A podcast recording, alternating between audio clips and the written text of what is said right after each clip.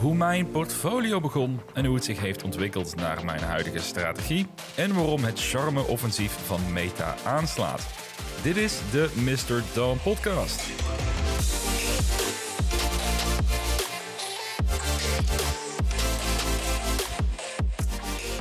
En welkom bij alweer een nieuwe aflevering van deze podcast. De oplettende luisteraar heeft het misschien al gemerkt, maar de naam van deze podcast is een tikkeltje aangepast.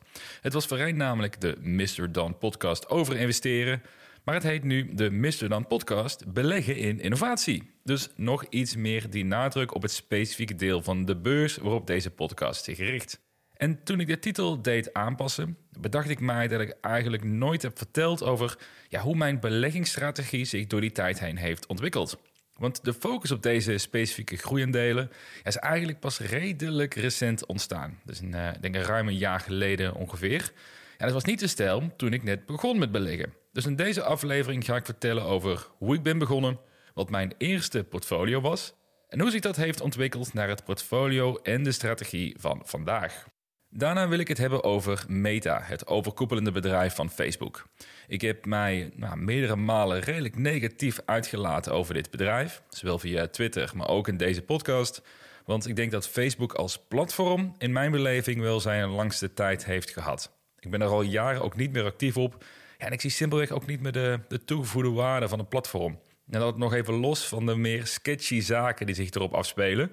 Zoals bijvoorbeeld rondom eh, Cambridge Analytica, hun rol in politieke campagnes en ook hoe een algoritme in elkaar zit, die wat mij betreft niets toevoegt aan een leukere of een betere wereld. Dus mijn perceptie van Facebook als bedrijf is daardoor ook sterk negatief. En ik beschouw dit dan ook als een van de aandelen waar ik nooit in zou willen investeren. Toch ben ik mijn mening iets aan het bijstellen. Mede door een charme-offensief van Mark Zuckerberg. Dus verderop in deze podcast ga ik vertellen hoe ik nu denk over de toekomst van Facebook, of Meta eigenlijk. En ik ook uiteraard de vraag stel of dit aandeel in mijn ogen nu wel investeerbaar is of niet. Dus twee onderwerpen in deze aflevering, met tussendoor ook weer een aantal goede vragen van luisteraars.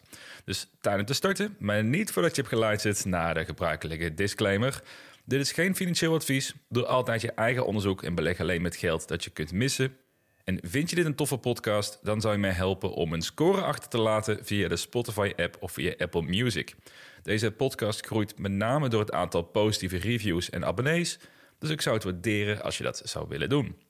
Nou, dan is het tijd om het verhaal te vertellen achter mijn portfolio-strategie. En ik moet toegeven dat het ergens een, ja, een tikkeltje narcistisch voelt om dit centraal in een aflevering te bespreken.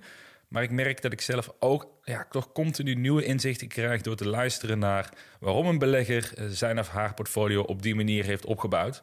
En ik denk dat de meesten die deze podcast volgen, ja, mij vooral kennen vanaf de periode dat ik mij specifiek richt op meer de, risicovolle groeiaandelen. En dat is iets wat pas in de loop van de tijd is ontwikkeld. Nadat ik meer kennis kreeg over beleggen en ook vooral comfortabeler werd in het maken van mijn eigen keuzes. Ik begon namelijk sterk defensief. Op basis van het principe van Warren Buffett, dat het cumulatief effect van ieder jaar naar 6 tot 8 procent rendement, dat het veel krachtiger en makkelijker is dan de markt proberen te overtreffen door te investeren in meer ja, assets. En nu ik die uitspraak doe, besef ik me pas hoe ver ik ben afgedreven van, uh, van mijn originele strategie. Als ik kijk naar mijn eerste portfolio, dan is het defensieve karakter overduidelijk aanwezig. En mijn portfolio in de eerste zes maanden bestond namelijk uit de individuele aandelen Shell, Viacom, Hunter Douglas, dat beter bekend staat als het, het overkoepelende bedrijf van Luxaflex, uh, ABN AMRO en Berkshire Hathaway. En daarnaast had ik geld zitten in verschillende ETF's, zoals die van de S&P 500, de AEX en ik had een Europees dividend-ETF en zelfs nog een serieuze positie in zilver. Dus het gros van mijn posities betaalde daarnaast ook nog eens keer ieder kwartaal een leuk dividend, waardoor ik ook het gevoel had dat ik ongeacht de koers al geld verdiende aan mijn beleggingsportfolio. En ik moet zeggen dat dat stiekem wel een heel fijn gevoel is voor een beginnende belegger die voor het eerst serieus geld op het spel zet. En mijn enige investering destijds die overeenkomt met mijn huidige strategie, dat was crypto. Wat later trouwens wel een hele slimme keuze zou blijken, want die heeft mij uh, gered in 2021 qua rendement. Maar ik kan mij voorstellen dat veel beginnende beleggers ja, ook met zo'n vergelijkbare strategie starten. Dus de, de aandelen op deze lijst, dat zijn solide aandelen met een sterke historie. Ze hebben stevige cashflow en ze waren duidelijk ondergewaardeerd op het moment van aanschaf. als ik dat portfolio had aangehouden in de afgelopen twee jaar, dan zou dat een rendement van 106% hebben betekend. En dan hou ik nog geen rekening met de dividenduitkeringen in die periode, waardoor het rendement eerder richting de nou, 115% zou zijn gegaan. Dus dat is een beter rendement dan de SP, die ongeveer 60% is gestegen in die periode. Dus was mijn eerste strategie daardoor minder toen ik als belegger of als beginnende belegger erin rolde? Nou ja, achteraf mag je zeggen eh, zeker niet. Sterker nog, ik zou iedere beginnende belegger dan ook aanraden om op die manier te starten. Met een focus op ETF's en misschien een paar solide aandelen waar een stevige historie achter zit, een goede financiële positie en bij voorkeur misschien ook wel een dividenduitkering daarnaast. Want het is simpelweg veel eenvoudiger om in dat soort aandelen te investeren, omdat je jouw beslissing kan baseren op een enorme bak aan historische data. Dus ik kan bijvoorbeeld zien hoe Viacom heeft gepresteerd in de afgelopen jaren, wat een gemiddelde groei is geweest en of hun financiële positie beter of slechter geworden is. En ik kan ook een redelijke inschatting maken hoe hun toekomst eruit ziet. Een goed voorbeeld hiervan is een bedrijf zoals Coca-Cola. De omzetgroei is voorspelbaar, de marges zijn voorspelbaar. Ja, en ook over vijf jaar zal de kern van een bedrijf nog steeds zijn om frisdrank te verkopen. En het geeft veel zekerheid bij beleggers, want het is uh, what you see is what you get. En hierdoor stonden aandelen zoals PepsiCo, McDonald's en AT&T destijds ook hoog op mijn wishlist. En deze portfolio-strategie die heb ik ongeveer zes maanden gevolgd. Het gaf mij een goede basis, maar tegelijkertijd merkte ik ook dat aandelen zoals Shell en ABN AMRO, ja, dat die mij niet echt prikkelden. En het interesseerde mij niet zoveel over hoe hoog de, de prijs van gas zou worden of dat de rente op leningen hoger zou worden of lager. En ik wilde wel graag actief beleggen en op zoek gaan naar die ruwe diamanten. En dat kan alleen, denk ik, als je ergens echt een interesse in hebt. Ja, voor mij is dat technologie en innovaties. Ik vind het tof om bezig te zijn met de ontwikkelingen van morgen. En ik heb een natuurlijke drive om daarover te lezen en te leren. Dus na zes maanden een defensief portfolio aangehouden te hebben, maakte ik een, uh, een mooie 180 graden draai naar beleggen in innovatieve bedrijven. En daarvoor had ik een, een paar regels voor mezelf opgesteld. Onder meer dat ik maximaal 10% van mijn vermogen in één aandeel zou stoppen. En dat er een spreiding zou zijn van 12 tot 20 aandelen. En dat fair value essentieel zou zijn om mijn investering op te bepalen. Nou, nu hoor ik je al denken, beste Don, volgens mij heb je hier een paar van je eigen regels misschien een beetje verbroken. En nu ik deze regels teruglees, ja, dat lijkt misschien wel een beetje het geval te zijn. Maar goed, gelukkig heb ik het excuus dat ik ook nog veel te leren heb. Maar daarnaast vond ik het ook steeds leuker worden om zelf relatief onbekende aandelen te vinden en te analyseren. En toen besefte ik mij dat ik als kleine belegger in een eh, grote mensenwereld terecht zou komen. Ik ben mij toen ook gaan verdiepen in het verschil tussen een individuele belegger en de grote fondsen wat zijn de verschillen tussen de twee qua handelswijze? En hoe kan ik als individuele belegger het winnen van de enorme denkkracht en de software die grote fondsen hebben? Of is het simpelweg toch beter om in een indexfonds te investeren en dan gewoon te stoppen met de illusie dat ik de markt zou kunnen, uh, zou kunnen overtreffen? Dus daar heb ik wel serieus over nagedacht. En toen viel het kwartje dat veel fondsen er met een korte termijn mindset in zitten. Zij moeten namelijk ieder kwartaal een update geven aan hun investeerders. Dus één matig kwartaal kunnen ze wellicht wel accepteren, maar twee of meer matige kwartalen en hun investeerders gaan geld verschuiven naar een ander fonds. Dus dat betekent dat fondsen verplicht worden om te kijken naar het verwachte rendement op een redelijk korte termijn. En daardoor ook simpelweg niet willen investeren in bepaalde aandelen die misschien iets langere tijd nodig hebben, maar dan wel heel hard zouden kunnen gaan. Maar dat was het moment waarop mijn huidige portfolio-strategie steeds meer vorm begon te krijgen.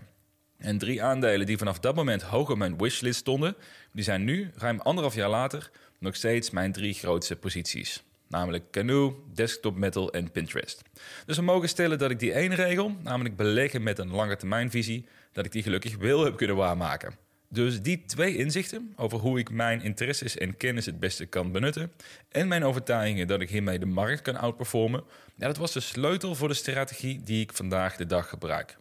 Ik moet wel toegeven dat deze strategie ook de nodige uitdagingen met zich heeft meegebracht.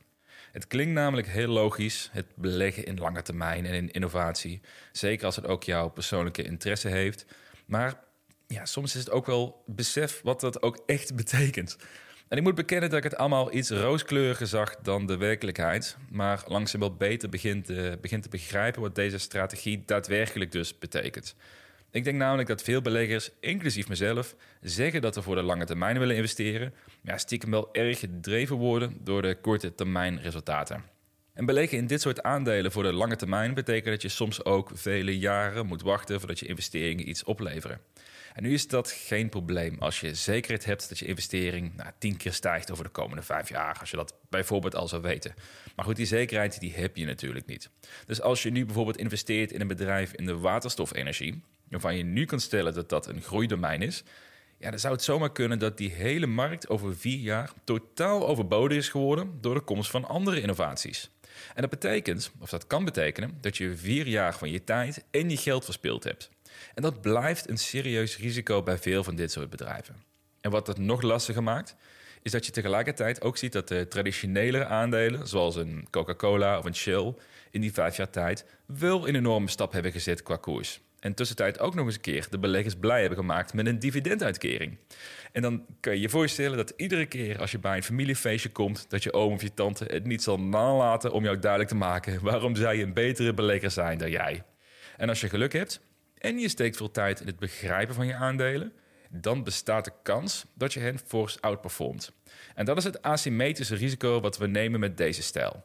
Als het goed gaat, dan gaat het ook heel goed. En dan kan het ook impact maken voor de rest van je leven. Beetje afhankelijk hoe zwaar je natuurlijk bent ingestapt. Maar de kans is groter dat het niet goed gaat.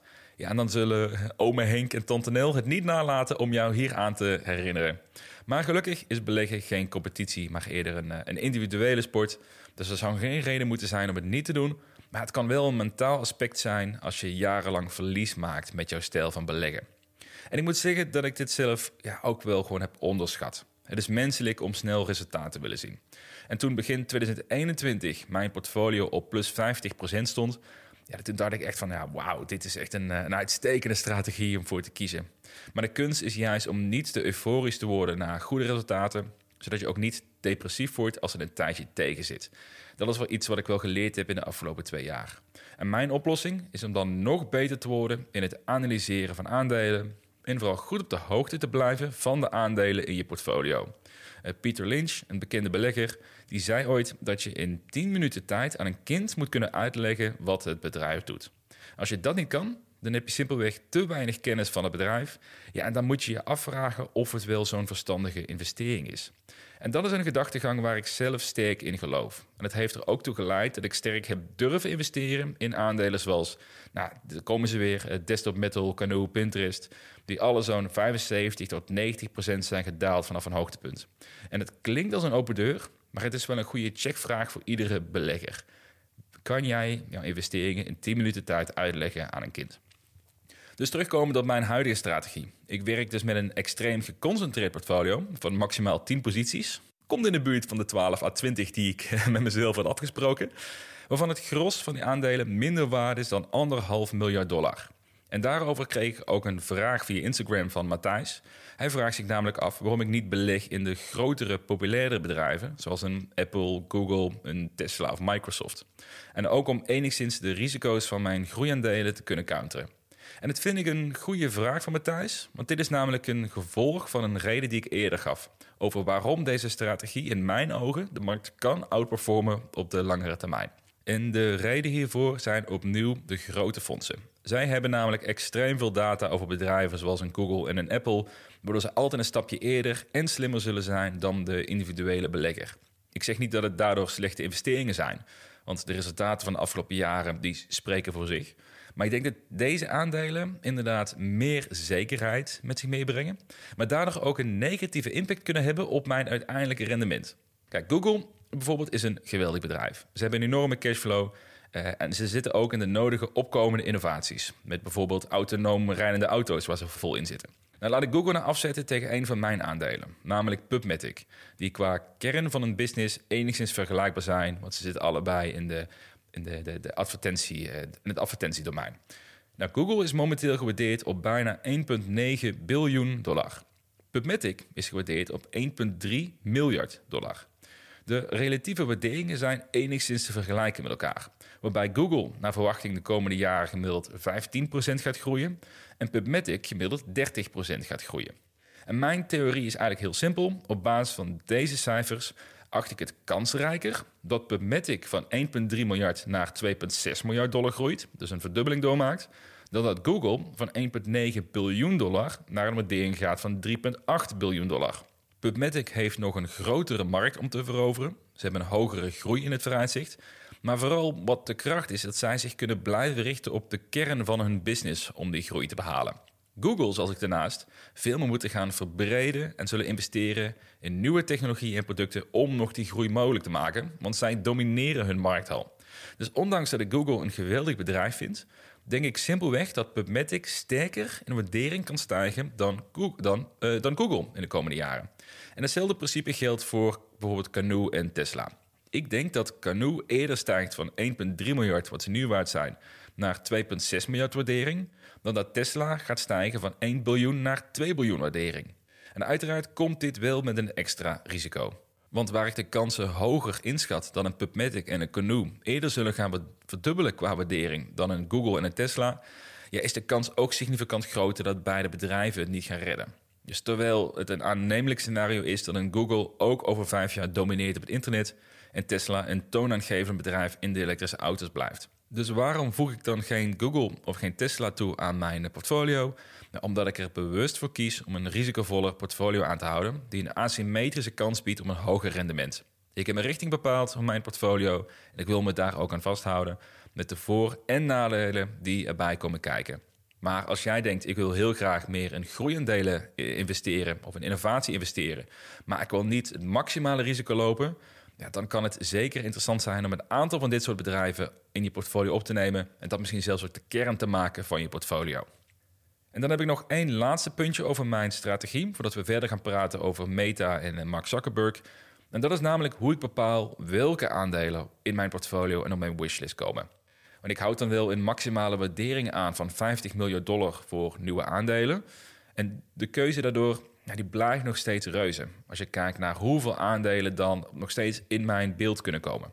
Dus waarom sommige aandelen dan wel en sommige niet? Nou, uiteraard kijk ik naar aspecten zoals eh, winstgevendheid, groeipotentie, waardering, etc. Eh, zeg maar de onderdelen die je hoort in deze podcast als ik een analyse met jullie deel. Maar dat is bekende informatie. Maar wat ik nogmaals specifiek wil uitlichten, is het voordeel als je kennis en interesse hebt in een bepaald domein. En ik heb persoonlijk heb ik de meeste kennis van media, communicatie en advertising. En daardoor durf ik ook tegen de stroom in te gaan als het gaat om aandelen zoals Pinterest en PubMatic. Ik snap gewoon heel goed hoe beide bedrijven werken, hoe de toekomst eruit ziet, wat de eventuele obstakels kunnen zijn en of zij op de juiste weg zitten. Vandaar dat ik nog een aantal van dit soort aandelen op mijn wishlist heb staan, zoals een Iron Source bijvoorbeeld, of aandelen waarbij mijn kennisgebied een belangrijk onderdeel is van een businessmodel. Dus zoals cm.com, eh, Unity, AST, Space Mobile en Kahoot. Daarnaast zijn er ook domeinen waar je een bovengemiddelde interesse in kan hebben, zonder een expert te zijn op dat gebied. In mijn geval is dat bijvoorbeeld elektrische auto's, wat ik ontzettend tof vind om te volgen, 3D-printing, eh, waar ik heel erg in geloof, en Web3. En daar vallen dus mijn andere aandelen onder, want dat zijn domeinen waar ik met veel interesse ook de markt in volg. Er zijn ook genoeg domeinen die mij interessant lijken, maar waar ik simpelweg niet de kennis noch de interesse voor heb om mij er echt goed in te verdiepen. En via Instagram kreeg ik een vraag van Ken over hoe ik denk over het domein genomics. En in het bijzonder het aandeel Illumina. En dat vind ik een sterk voorbeeld van een domein waar ik absoluut de potentie in zie. Waar ik zelfs ook vanuit een, eh, een innovatieoogpunt het interessant vind om te volgen. Maar ik snap simpelweg niet hoe het werkt of hoe de toekomst eruit ziet. Dus Illumina in dit geval als ik hun investeerdersdeck lees, ja, ik weet gewoon niet wat zij bedoelen. Dus om even een quote te gebruiken van uh, een van hun eerste slides. We enable clinicians and researchers to comprehensively understand and leverage the genome. Nou ja, dat uh, klinkt, klinkt goed, denk ik. Dat klinkt hartstikke goed, maar ik heb nog steeds geen idee wat ze doen. Dus natuurlijk kan ik er mij wel een, eh, een, wel een beeld over vormen. Maar als ik terug ga naar het punt van Peter Lynch... ja, ik kan niet in 10 minuten uitleggen aan een kind wat Illumina doet. En dat geldt voor mij voor de hele genomics en de DNA-sequencing-industrie. En dat terwijl ik tegelijkertijd wel zie hoe groot de impact kan zijn voor toekomstige generaties van deze technologie. Want ik heb wel meerdere interviews in podcasts geluisterd over hoe in de toekomst jouw DNA aangepast kan worden door middel van bijvoorbeeld gene editing. En hoe je daarmee bij een baby al de cellen eruit kan halen die leiden tot een hogere kans op kanker in de toekomst. Of waardoor je bepaalde familieziektes eruit kan halen. Dus dat klinkt echt als een, eh, als een bizarre toekomst die wel heel veel levens gaat redden en verbeteren.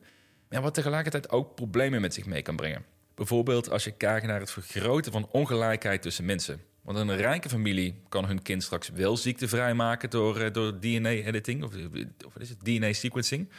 Maar een modaal gezin heeft die kans niet.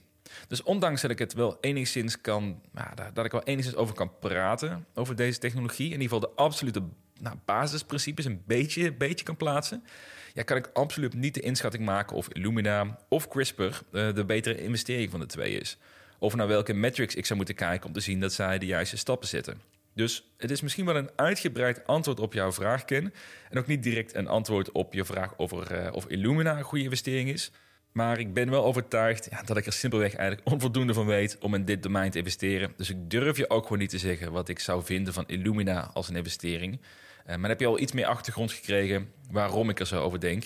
Uh, en dat ook in, in relatie tot het punt wat ik net gaf over het kennen van je domeinen.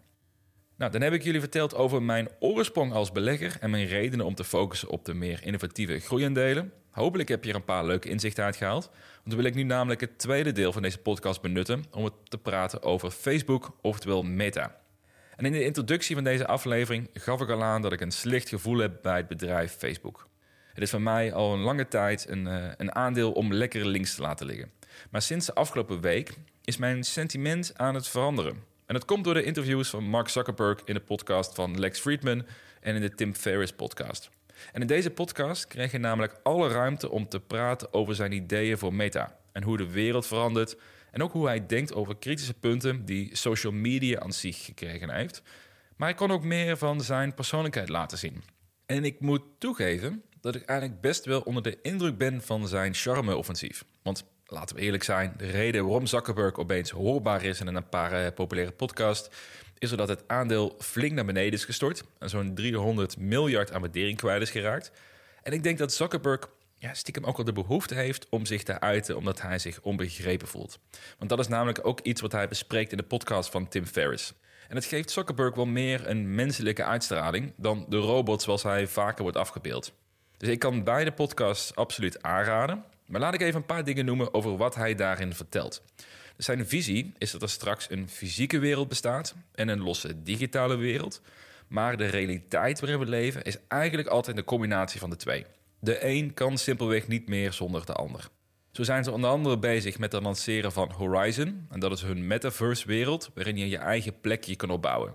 En je kan ervoor kiezen om onderdeel te worden van grotere plekken, zoals een stad bijvoorbeeld, waarin iedere stad zelf bepaalt hoe het bestuurd wordt. Dus wijze van spreken, jij, jij hebt je plekje op de metaverse, je opent, een, uh, je opent een winkel daar en je kan besluiten of jij een stad A, B of C onderdeel van gaat worden. En die keuze, ja, die bepaal je op basis van, uh, nou, wat, wat, doen ze qua belastingen in die stad, wat is wel of niet toegestaan. dat, dat gaat een hele interessante dynamiek daaraan toevoegen. En nu klinkt het nog een klein beetje alsof het heel speels is, alsof je in een soort World of Warcraft-achtige dingen zit. Maar ik kan me ook voorstellen met de opkomende creator economy, waarbij je ook echt digitale assets, digitale nou, bestanden eigenlijk, of, of kunst bijvoorbeeld, daadwerkelijk waardevoller gaat worden. Kijk maar naar de opkomst van NFT's bijvoorbeeld. Ja, dan zie ik ook wel steeds meer echt praktische toepassingen waar je oprecht geld kan verdienen of oprecht een soort community kan bouwen vanuit die metaverse.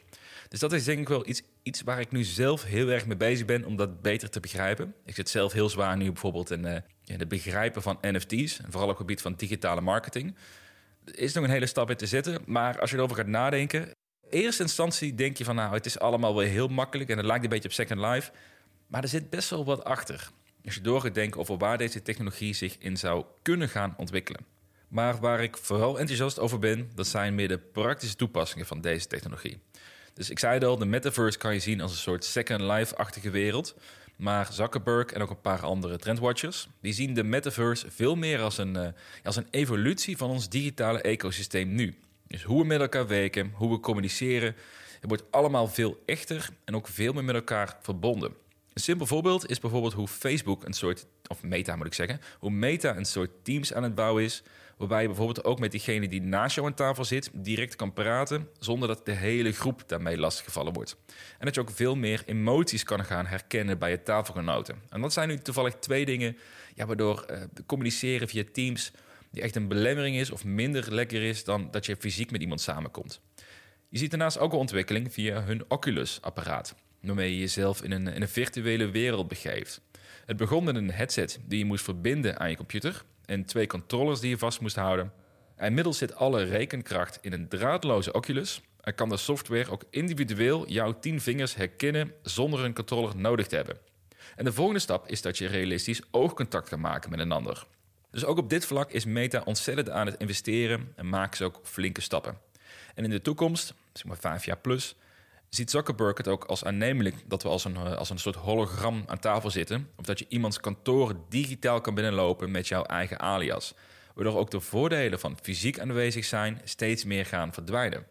En wat mij enthousiast maakt daarin, bedoel, je kunt natuurlijk heel veel mee. Maar waarom ik daar heel enthousiast over word, over die ontwikkeling, is dat het betekent dat je carrièrekansen, die waren tot nu toe, eigenlijk in onze volledige historie, waren die verbonden aan de locatie waar we wonen. Je kan namelijk niet voor een bedrijf in Madrid werken als je woont in Groningen. Tenminste, voor 99% eh, van de rollen werkt dat gewoon niet. Maar straks kunnen we voor pakken bij 80% van het beschikbare werk wel locatie ongebonden werken. Omdat het simpelweg niet meer uitmaakt door de technologie die we hebben. En daar geloof ik in. En ik merk dat Zuckerberg ook sterk die kant op beweegt. Dus misschien moet ik langzaam ook mijn perceptie bij gaan stellen en meten de credits geven voor de innovaties die op dit gebied plaats kunnen gaan vinden. In plaats dat ik hen vooral beoordeel over hun Facebook-platform. En in dat kader kreeg ik ook een vraag van Oogie of Facebook al koopwaardig is. En zo ja, wat is een goede instapprijs? En ik begrijp dat dit ja, dat het effect is van het charme-offensief van Zuckerberg. Maar ik kan mij nu wel voorstellen dat Meta een interessante lange termijn investering is. Qua waardering is het sowieso erg interessant op dit moment. Op basis van hun inkomsten en hun omzet zijn ze sinds hun beursgang nog nooit zo goedkoop geweest als nu. En Meta heeft wat tegenwind, dat de groei van Facebook inmiddels wel over is. En er zijn ook significante investeringen nodig om mijn verhaal van zojuist, om die werkelijkheid te laten worden door Meta. En wat in verwachting, of in ieder geval volgens de verwachting van Zuckerberg zelf, net toch nog wel tien jaar kan duren voordat het zich echt gaat uitbetalen. En beleggers zijn hierdoor wat terughoudend geworden over de korte tot mid-lange termijn. Maar als je puur kijkt naar de cijfers, met 20% omzetgroei het afgelopen jaar en de enorme cashflow van het bedrijf, en dan lijkt mij dit stiekem een van de betere megacaps om in je portfolio te hebben, mits je die hele rit naar die nieuwe digitale wereld en de metaverse wil meemaken. De koers van Meta is nu 220 dollar. En ik heb berekend dat hun fair value ligt tussen de 370 en de 420 dollar. Dus je kan nu gewoon met een significante korting kan je inkopen. Dus als antwoord op de vraag van Oogie, ik denk dat Meta nu zeker koopwaardig is. Persoonlijk zou ik geleidelijk inkopen, omdat de beurs overal nog aardig grillig lijkt. Dus ook de koers van Meta kan de komende maanden verder naar beneden.